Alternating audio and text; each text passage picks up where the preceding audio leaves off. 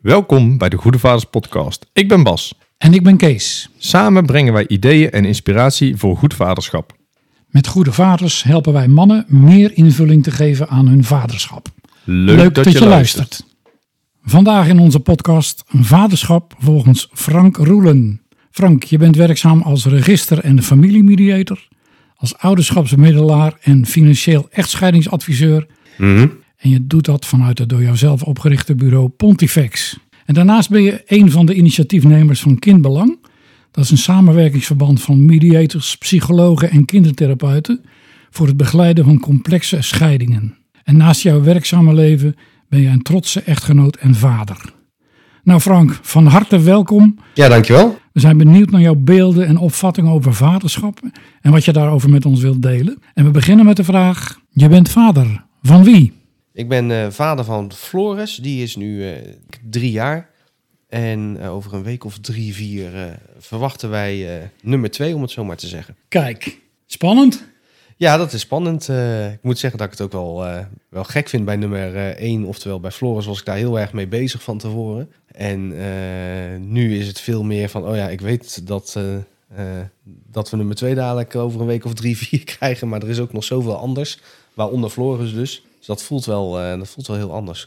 Floris is drie jaar, zei je? Ja. ja. Was dat een lucky shot dat Floris eh, op deze aarde kwam? Of was het gepland? Of hoe? eh? Nee, Floris die, die, die, die was wel gepland. Oké.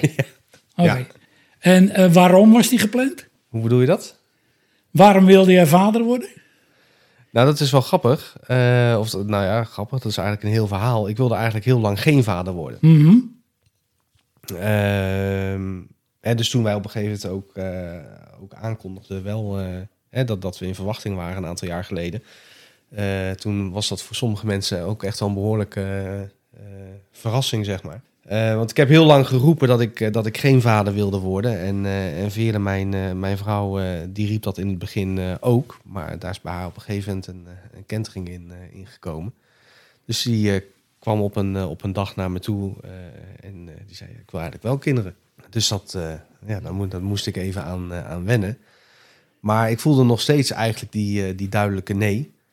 Dus had ik zoiets van, ja, dan heb ik uit te zoeken waar komt dan die nee vandaan. En toen ben ik begonnen met, met daar een familieopstelling over te doen. Daar had ik al wat ervaring mee. En nou, in die familieopstelling werd voor mij het een en ander duidelijk. Dat ik iets met mijn eigen, mijn eigen jeugd en mijn eigen kindstuk nog te doen had. En doordat ik dat eigenlijk niet aan kon kijken, ook geen binding kon maken met, eh, ja, met het verlangen om, eh, om zelf vader te willen Mm. worden. Dus dat was eigenlijk het begin van een, eh, van een onderzoek op dat, op dat gebied. Ik ben op pad gegaan en ben met innerlijk kindwerk aan de slag gegaan. En, om eigenlijk kleine Frank weer te, te herontmoeten.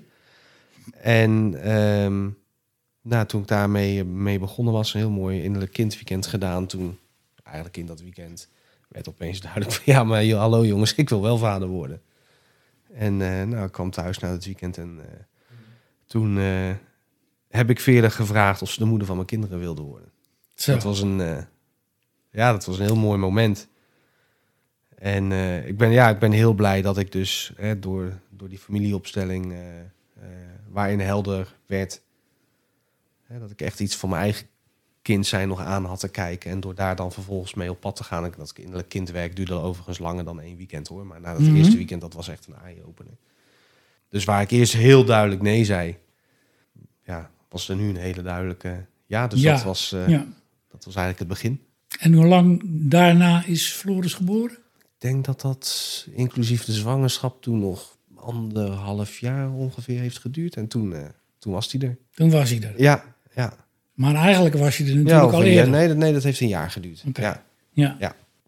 Want een van de dingen die wij met goede vaders proberen aan mannen duidelijk te maken, is dat je al vader bent op het moment eh, dat je kind aan het groeien is in de buik van Ja. de moeder. Hè? ja. Eh, heb jij daar ook eh, ervaringen mee uit die, die zwangerschapstijd? Hoe ben je daar als vader mee omgegaan? Nou, zeker. En, en eh, eh, bij Floris ben ik daar bewuster mee omgegaan dan nu bij de tweede zwangerschap. Omdat je ook al veel weet. Maar ik heb mij bij, tijdens de eerste zwangerschap ook echt wel eh, bewust verdiept. Om te, ik weet even niet de titel van het boek. Maar het is meer een informatief boek van hè, wat gebeurt er nou per week eigenlijk qua ontwikkeling van, het, van het kind en wat gebeurt er dan vervolgens ook bij, bij de moeder. Dus ik heb me daar zo wel bewust mee bezig gehouden en eh, om, om eens ja, toch meer feeling mee te krijgen. Maar het blijft natuurlijk gek dat hè, je, je voelt je als vader daar toch iets meer op afstand staan. Mhm. Terwijl die moeder al veel meer binding heeft met het kind. Maar dat was wel een. eh, ja, we hebben daar toen wel eh, bewust naar, naar die geboorte toegeleefd. Oké. En heb je in die tijd al iets gedaan met Floris toen hij nog niet geboren was? Dat klinkt Eh. misschien heel raar, maar Nou, wij waren wel van de, van de muziekjes. We hadden Ja? een, eh, zo'n eh, een, een uiltje laten maken met zo'n muziekdoosje erin. Dat speelden we s'avonds vaak, vaak af op de buik van, van Veerle. En, en gekletst. Dat. Ja. ja. ja, mooi. Hoe oud was jij toen Floris geboren werd? Ja, is dat... En dat is dus dik drie jaar geleden. Dus toen was ik eh 36. Nou, dan moet ik het goed zeggen. Ja. Toen was ik 35, want hij is de dag voor mijn verjaardag geboren. Ah, Oké.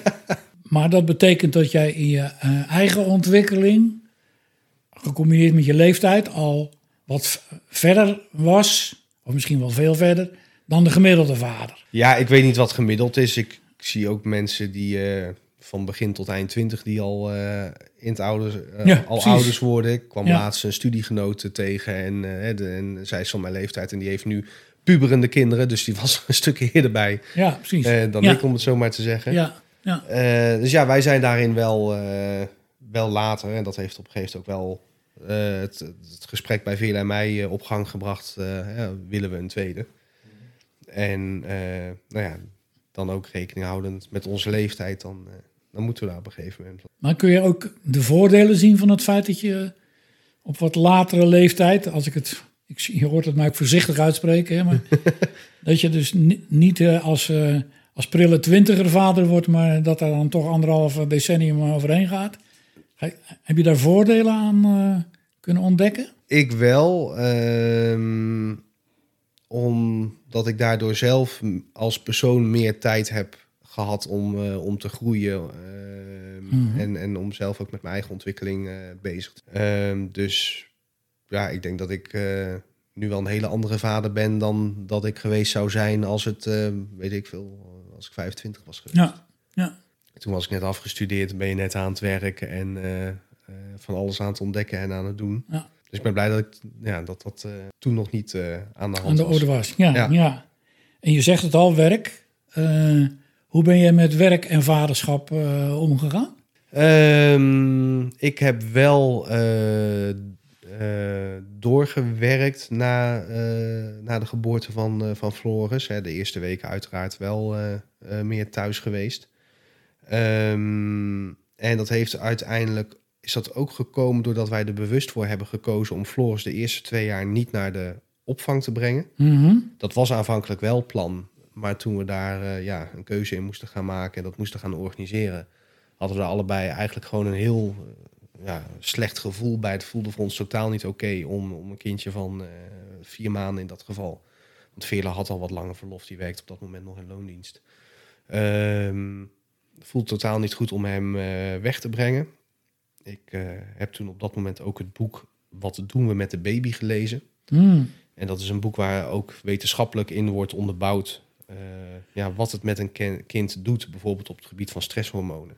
Hè, als je een, een, echt een jonge baby eh, naar, naar een opvang eh, brengt. Nou, dat was geen hele positieve uitkomst. Eh, Er werd ook heel erg in dat boek de link gelegd met Scandinavische landen.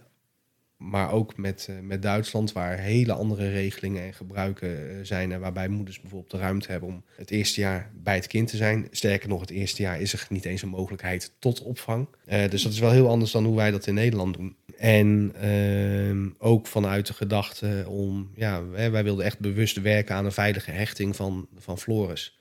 Omdat we daar allebei in onze eigen jeugd dat minder goed gelukt is. Ehm, was dat voor ons op een gegeven moment ook echt een reden van ja, moeten we dat wel, eh, wel willen doen? Nou ja, toen hebben we ervoor gekozen dat, eh dat zou gaan stoppen met, eh, met werken. Ehm, waardoor we hem dus twee jaar, de eerste twee jaar thuis hebben kunnen houden.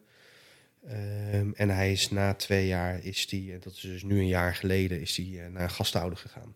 Oké. Daar is hij met eh, drie andere kindjes. En nou ja, ik kom er net vandaan, want ik heb hem net weggebracht. Dat is een eh, boerderijtje in het buitengebied. Met kippen, konijnen, eh, een grote moestuin. Waarmee, en ze nemen de kindjes dus ook mee om aardappelen te gaan poten en allemaal dat soort dingen. Nou ja, echt. daar, daar, daar zou ik zelf af en toe wel een dag willen bivakeren. Lijkt me heerlijk. Dus en, en dat vind ik juist heel mooi dat we dat nu na die twee jaar hebben gedaan. En dan bij een gastenouder als, als, als dit. Eh, wat ik ook gewoon heel goed vind voor zijn ontwikkeling.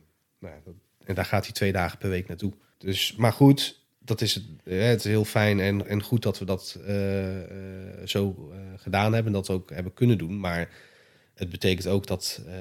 en er zit ook een prijskaartje aan in de zin van... dat betekent dus dat één inkomen wegvalt. Mhm. En dat heeft voor mij wel gemaakt dat ik, dat ik meer heb. althans, niet minder ben, ben gaan werken. Mhm. Eh, dus dat is de andere kant van de medaille daarvan. En hoe ga je er nu bij nummer twee doen? Eh, bij nummer twee, eh, of we die ook echt twee jaar thuis gaan houden, dat, eh, dat denk ik niet. Maar die willen we wel minimaal het eerste jaar bij, bij huis houden. Ehm, ondertussen werkt eh Veerle ook bij mij mee in, in mijn praktijk.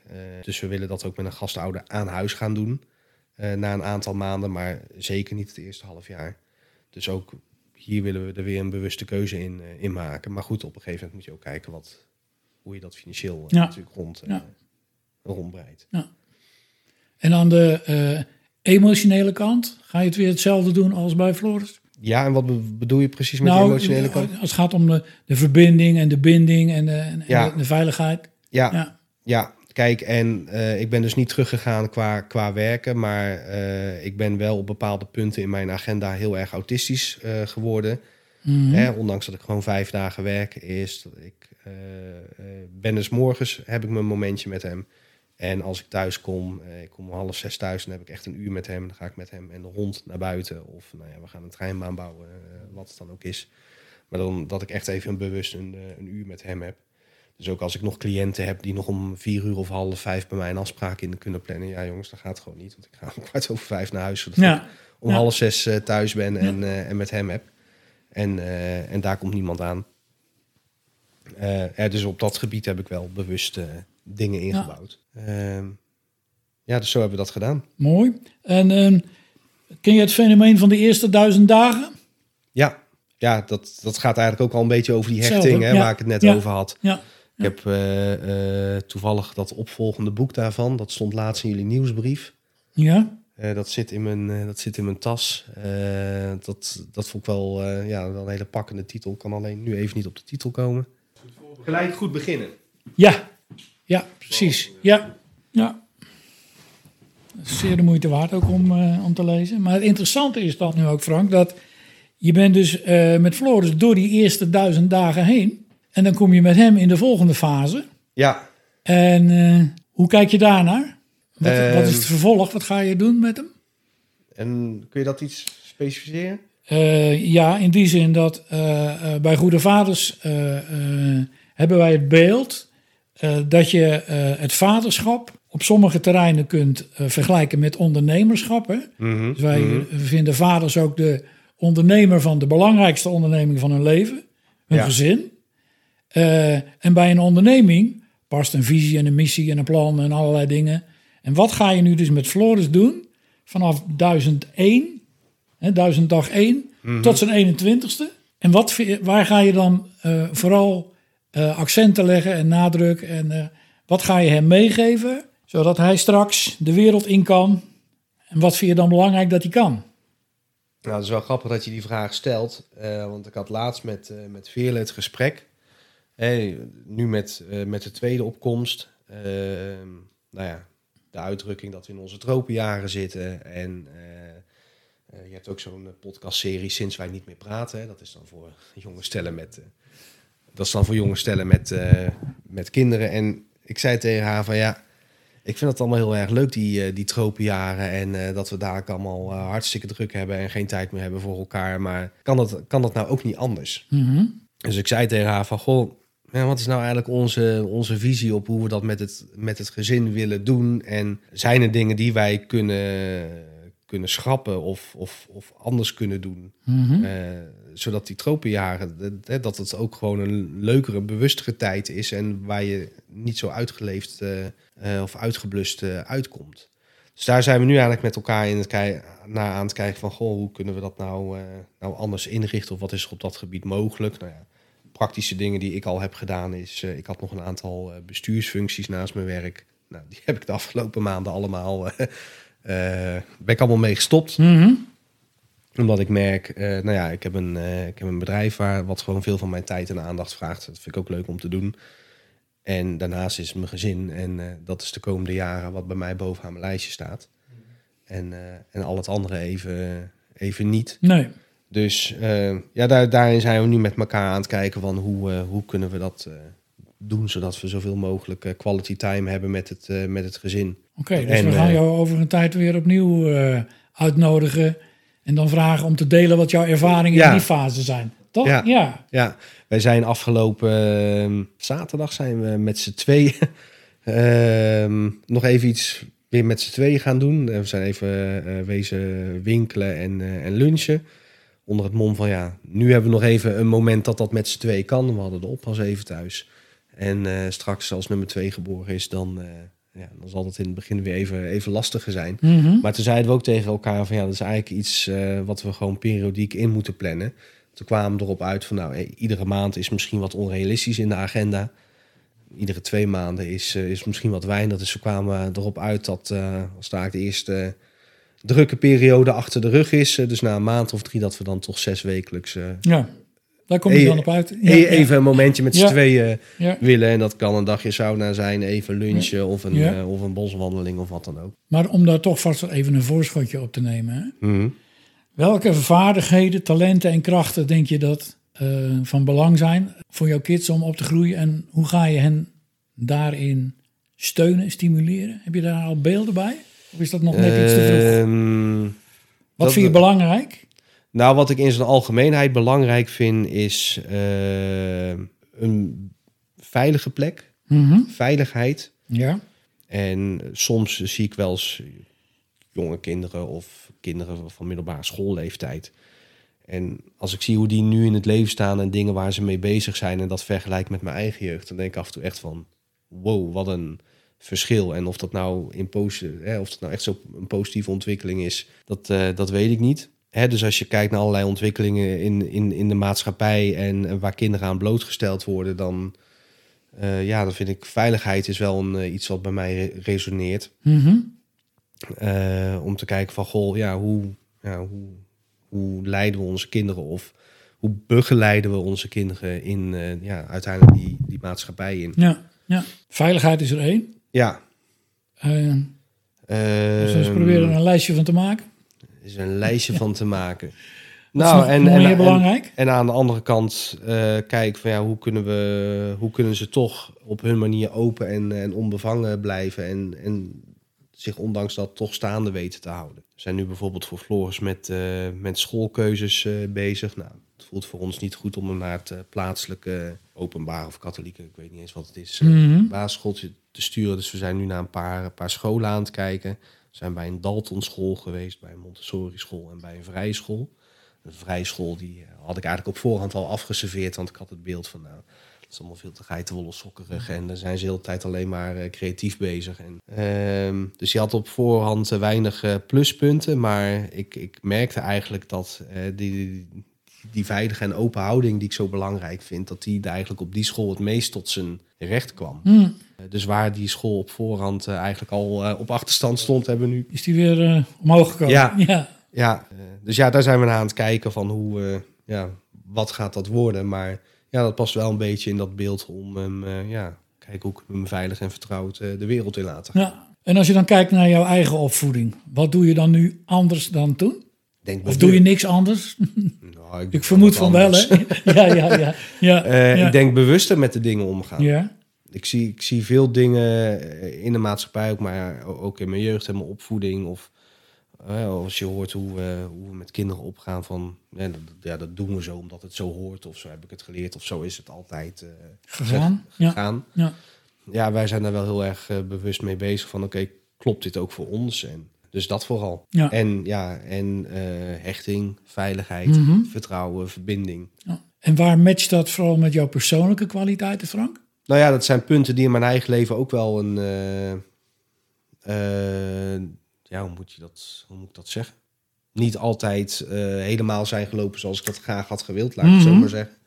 En ehm, ja, waar ik dus nu merk dat ik dat dus ook eh, binnen mijn eigen gezin, eh, binnen mezelf, naar mijn kinderen, juist wel heel erg wil, wil bedden. En dat, Ja, en- en Ja. dus ja, waar, waar, waar dat vroeger onderbelicht was of, eh, Mhm. of ik dat te weinig had in mijn leven, Ja. is het wel iets wat ik me nu meer heb eigen gemaakt. Oké.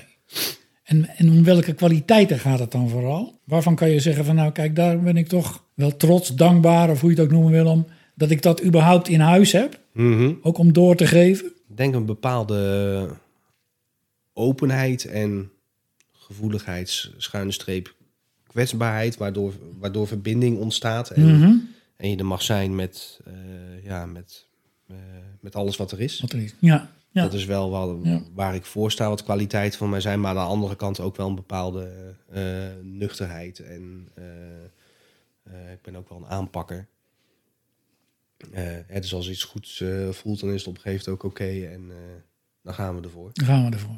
Als je nou kijkt eh, eh, naar jouw werk, daarin kom je natuurlijk ook veel gezinssituaties tegen. Ja, Wat, va- wat valt daar vooral in op, eh, Frank, als je daar zo naar kijkt? En je vergelijkt dat met je eigen gezin? nou ja, even goed voor de luisteraars. Ik, eh, ik ben mediator en eh, ik begeleid eh, gezinnen, zoals ik altijd maar zeg, bij van alles en nog wat wat met scheiden te maken heeft. Dat doe ik op twee vlakken. Enerzijds eh, mensen die eh, in juridische, financiële, fiscale zin hun, eh, hun scheiding van A tot Z in goed onderling overleg willen regelen. Nou, die zijn als mediator bij mij aan het juiste adres.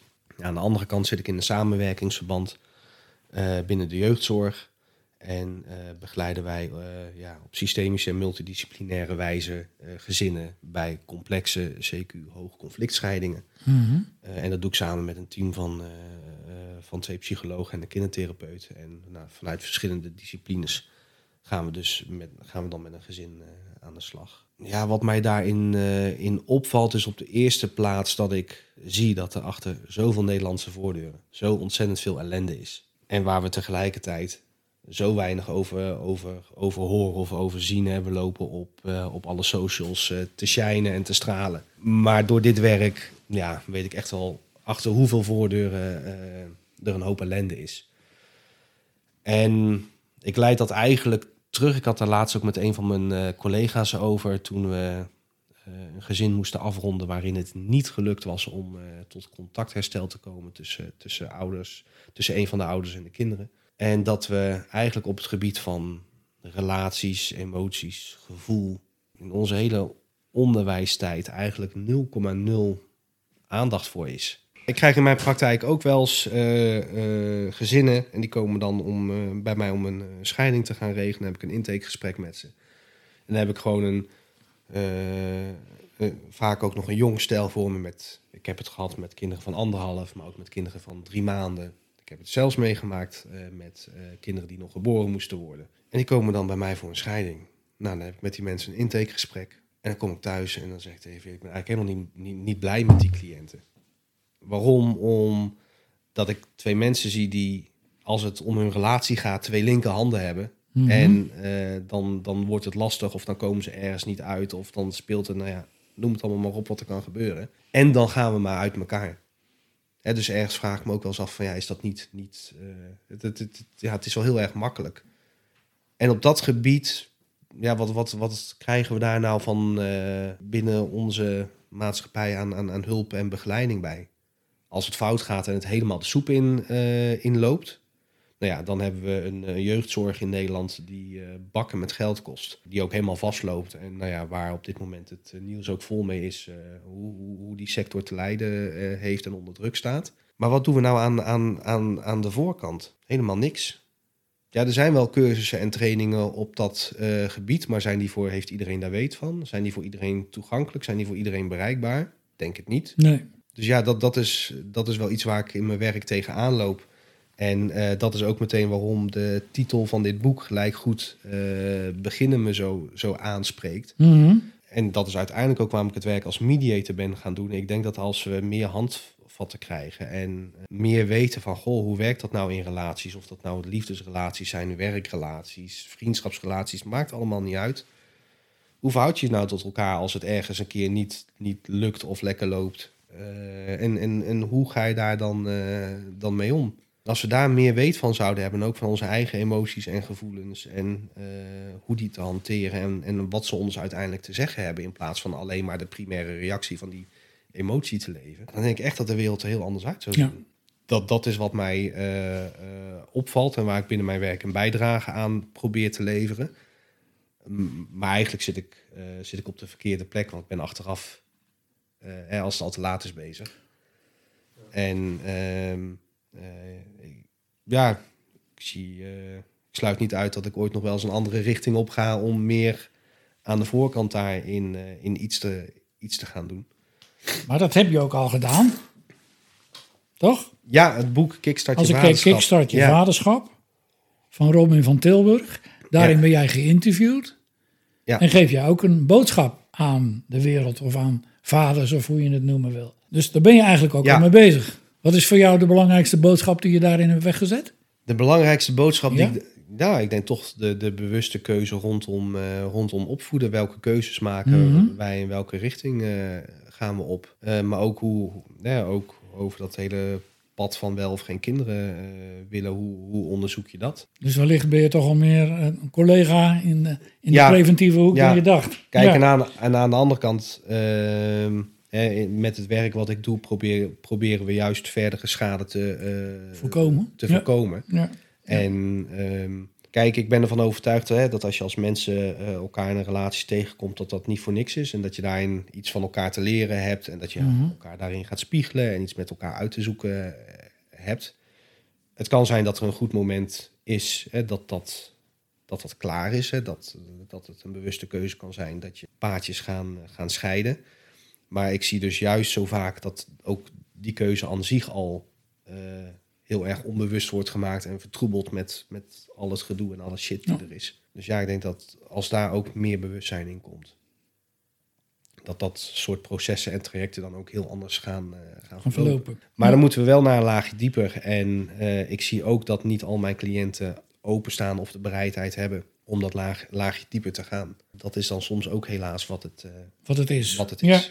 Zo nou eens even eh 15 jaar vooruitstappen in de tijd. Ja. En je hebt dan een gesprek met Floris. Op vaderdag doet hij zijn jaarlijkse papa FG met jou. ja. Wat wil je dan van hem horen? Eh, op de eerste plaats dat ik eh, beschikbaar voor hem ben. Mhm. Dat hij veiligheid ervaart om, om zichzelf te kunnen zijn, om open te zijn. Leuke herinneringen. Maar ook dat hij de veiligheid voelt om die momenten te benoemen van papa. Dat was iets minder. Dat was iets minder of daar heb ik je even gemist. Ja, Ja, ik denk als... eh, hè, dan tegen die tijd, als ik 15 jaar vooruit reken, ben ik bijna halverwege de 50 en dan zijn een jaar of 18. Ja, maar dat hij ook zijn eh, verlangen eh, zou durven uiten van... nou papa, ik wil, ik wil dit met je of ik wil dat met je. Ik zie wel eens... zijn bepaalde vader-zoon weekenden en, en rituelen die her en der wel eens georganiseerd werden- worden. Ik zou het heel tof vinden om dat rond die, eh, rond die leeftijd met hem eh, te doen. Eh, mits hij daar natuurlijk ook voor open staat. ja, ja. Ja, maar beschikbaar en, en de, de veiligheid om er met alles te zijn, dat is wel het belangrijkste, denk ik. Mooi. Ik kijk even naar Bas. Ja, als sidekick eh, luister ik natuurlijk al even mee naar jullie gesprek. Ehm, super interessant. En er bleef me eigenlijk nog wel iets bij. Eh, je had het over een familieopstelling. En ik vroeg me eigenlijk af, wat maakte eigenlijk, eh, Frank, dat je die ging, ging volgen? Bij mij is dat wel, want ook in de periode daarvoor heb ik al het nodige aan op het gebied van persoonlijke ontwikkeling gedaan. Dus dan, dan sta je daar al meer voor open of dan ben je daar al meer mee bezig. En eh, het, het was voor mij het moment dat Veerle zei, eh, nou ja, ik wil wel graag kinderen. En dat ik zoiets had van, oké, je zit met elkaar in een relatie. Eh, de een wil het wel, de ander wil het niet. Dan vind ik, dan heb je werk te doen. Dan heb je uit te zoeken wat, ja, wat dat dan is. Wat de uitkomst daar dan ook van, van mogen zijn. Want die stond niet op, op voorhand vast. Dus dat was het voor mij het moment en vanuit mijn eerdere ervaringen die ik al had met familieopstellingen, om te zeggen van nou, ik, ik ga daar, dat is mijn eerste stap om helder te krijgen, om te kijken waar die, eh, waar die nee vandaan komt. Ja, dus als ik het eh, goed begrijp, dan zou iedere vader een eh, familieopstelling kunnen gebruiken. Nou, ik denk dat dat niet alleen voor alle vaders geldt, maar zelfs voor alle moeders. Omdat ik door mijn eigen jeugd, maar ook door mijn, door mijn werk, ook wel weet ja, wat we eigenlijk allemaal van voorgaande generaties onbewust in ons mee eh, kunnen nemen en in ons hebben. En ja, als je daar meer zicht op hebt, dan krijg je, dan komt de mogelijkheid ook binnen handbereik om daar iets mee te gaan doen. Maar als je ja, het überhaupt niet bewust van bent of het niet weet, dan, ehm, dan wordt het natuurlijk al een stuk, eh, stuk lastiger. En eh, ja, ik denk dat dat een methodiek is om echt te kijken eh, ja, waar je staat en hoe je je tot elkaar eh, verhoudt. Sterker nog, eh, ik denk dat het überhaupt in, is interessant is om te doen, hè, bijvoorbeeld in een zakelijke samenwerking, eh, zoals, zoals jullie, maar ook gewoon binnen je gezin van hey, als we daar nou eens een systemische begeleider bij betrekken, wat, wat, wat zien we dan? Wat wordt ons duidelijk? Mooi Frank. Ik vraag me af welk thema we nog niet hebben aangeraakt. Hmm. Ik, ik, ik merkte dat zelf en dat is voor mij uiteraard geen, eh, niet nieuw in, hè, in mijn antwoorden. Hè. Ook, ook wat ik wil als vader en hoe ik naar mijn kinderen wil zijn, komt natuurlijk vaak het woord veiligheid terug. Mhm. Nou, dat is eh, iets wat ik in mijn eigen jeugd heel erg heb, eh, heb gemist. Zeker, ik heb heel erg veel ervaringen met verschillende vormen van onveiligheid. Ehm, eh, dus ik merk dat, dat dat is bij mij sowieso in allerlei situaties een, een trigger. Eh, maar dat is ook iets waar ik gewoon heel erg prat op ben van hoe, hoe belangrijk ik dat vind. Ehm, en eh, ja, ik, ik vind dat denk ik in iedere opvoeding wel heel erg belangrijk, omdat het ook weer onwijs veel invloed heeft op hechting. Ja. Eh, en ja, die hechting bepaalt wel heel erg hoe je vervolgens in het leven staat en Ja, met allerlei zaken boek, omgaat. Ja, De blauwdruk van de eerste duizend dagen, die nemen we de rest van ons leven mee. ja. Oké, maar dat is dus eigenlijk nog een keer benadrukken van Ja. het belang wat je aan dat thema hecht. Ja. ja. En verder, nog andere dingen waarvan je zegt, nou... En nee is ook een antwoord, hè? Dus dat is Dat zou je niet weten. Nee. Bas? Ja, ik hoor je nu vertellen over je sterke relatie met Verelen en dat je daar zo bewust mee bezig bent. Eh, waar haal je dan eigenlijk die kennis eh, vandaan? Is dat allemaal uit het lezen van boeken? Dat is eigenlijk gekomen toen ik in eh, 2012 eh, voor de eerste keer eh, mijn burn-out kreeg. Ehm, en dat was, was dus in 2012. Ik was toen een end in de 20 en ehm, nou, ik, ik zat echt behoorlijk eh, doorheen. Ik liep vast in mijn, in mijn werk, in mezelf. En ehm, ik was daar echt goed ziek van. En dat was voor mij de, de stap om eh, mijn eigen jeugd eigenlijk aan te gaan kijken. Waarvan ik wist, daar moet ik nog wat mee. Waarvan ik aan de andere kant ook dacht van, nou, daar heb ik toch al genoeg mee gedaan. Ehm, en ehm, nou ja, van huis uit heb ik op zich nog wel wat meegekregen op het gebied van persoonlijke ontwikkeling en eh, spiritualiteit. Niet in re- religieuze zin, zeg ik er meteen even bij. Ehm, dus die burn-out was voor mij de, de stap om, eh, om met mezelf aan de slag te gaan. En ehm, dus nou, ik had een burn-out. Ik ging eh, eh, een traject emotioneel lichaamswerk doen. Heel interessant, dat gaf me heel veel. Maar wat het me vooral heeft gegeven is een halve week nadat ik daar het eerste weekend van had gedaan, werd ik ziek met een hele zware longontsteking. Die echt heel pittig was. Eh, maar die er ook toe heeft geleid dat ik op dat moment met een aantal verslavingen ben gestopt. Eh, zoals eh, roken, overmatig koffie drinken, maar ook alcoholgebruik. En ehm, nou ja, ik, ik, ik had die burn-out, vervolgens die longontsteking. ehm, eh, ik, ik moest ook wel stoppen met, met die verslaving, om het zo maar te zeggen. En daardoor begon ik eigenlijk te, te ervaren wat ik al die jaren aan het wegdrukken was met roken, met koffie, met alcohol. En ik zat toen op een gegeven moment in een traject en mijn coach zei: Frank, je bent eigenlijk een hartstikke gevoelige jongen. En ik lachte hem echt keihard in zijn gezicht uit. ik, nou echt, sorry hoor, maar wat je nu zegt, er klopt echt geen ene reet van. Maar toen zat ik dus nog helemaal in dat proces om dat te gaan, eh, gaan ontdekken. Nou ja, dat is uiteindelijk een proces van jaren uh, geworden. Uh, Veerde is uiteindelijk ook op dat gebied uh, persoonlijke ontwikkeling gaan doen. Ja, en dan krijg je wel een bepaalde basis in je relatie. ja, waardoor je wel een laagje dieper kunt komen en met elkaar daar het gesprek over kan, kan voeren. maar goed, het heeft mij heel veel inzicht en kennis gegeven. Over mezelf, hoe ik als beestje mens werk. Um, hoe ik me wel of niet kan identificeren met, met gevoelens en wat ze me te vertellen hebben. Um, ja, en dat is eigenlijk het begin geweest van uh, het, het, pad waar, wat ik op ben gegaan, waarbij ik ook. Um, ja, ik werkte op dat moment in de, in de financiële wereld en ik deed het werk op zich goed, maar het voelde gewoon leeg. En ik liep er ook letterlijk leeg op, want na verloop van tijd kreeg ik nog een keer een burn-out. Dus ik wist al, ik had op een gegeven moment echt zoiets van, ja, is dit het nou? Even heel zwartgallige beeld. Nou, dan doe ik dit zo'n vijf dagen per week tot, tot mijn pensioen. Eh, nou, een paar 20, 25 vakantiedagen per jaar. En, uh, en dat is het dan. Dat voelde totaal niet vervullend genoeg. Dus in dat hele traject van persoonlijke ontwikkeling nam ik eigenlijk ook de vraag mee: waarvoor ben ik hier? Wat heb ik hier te doen?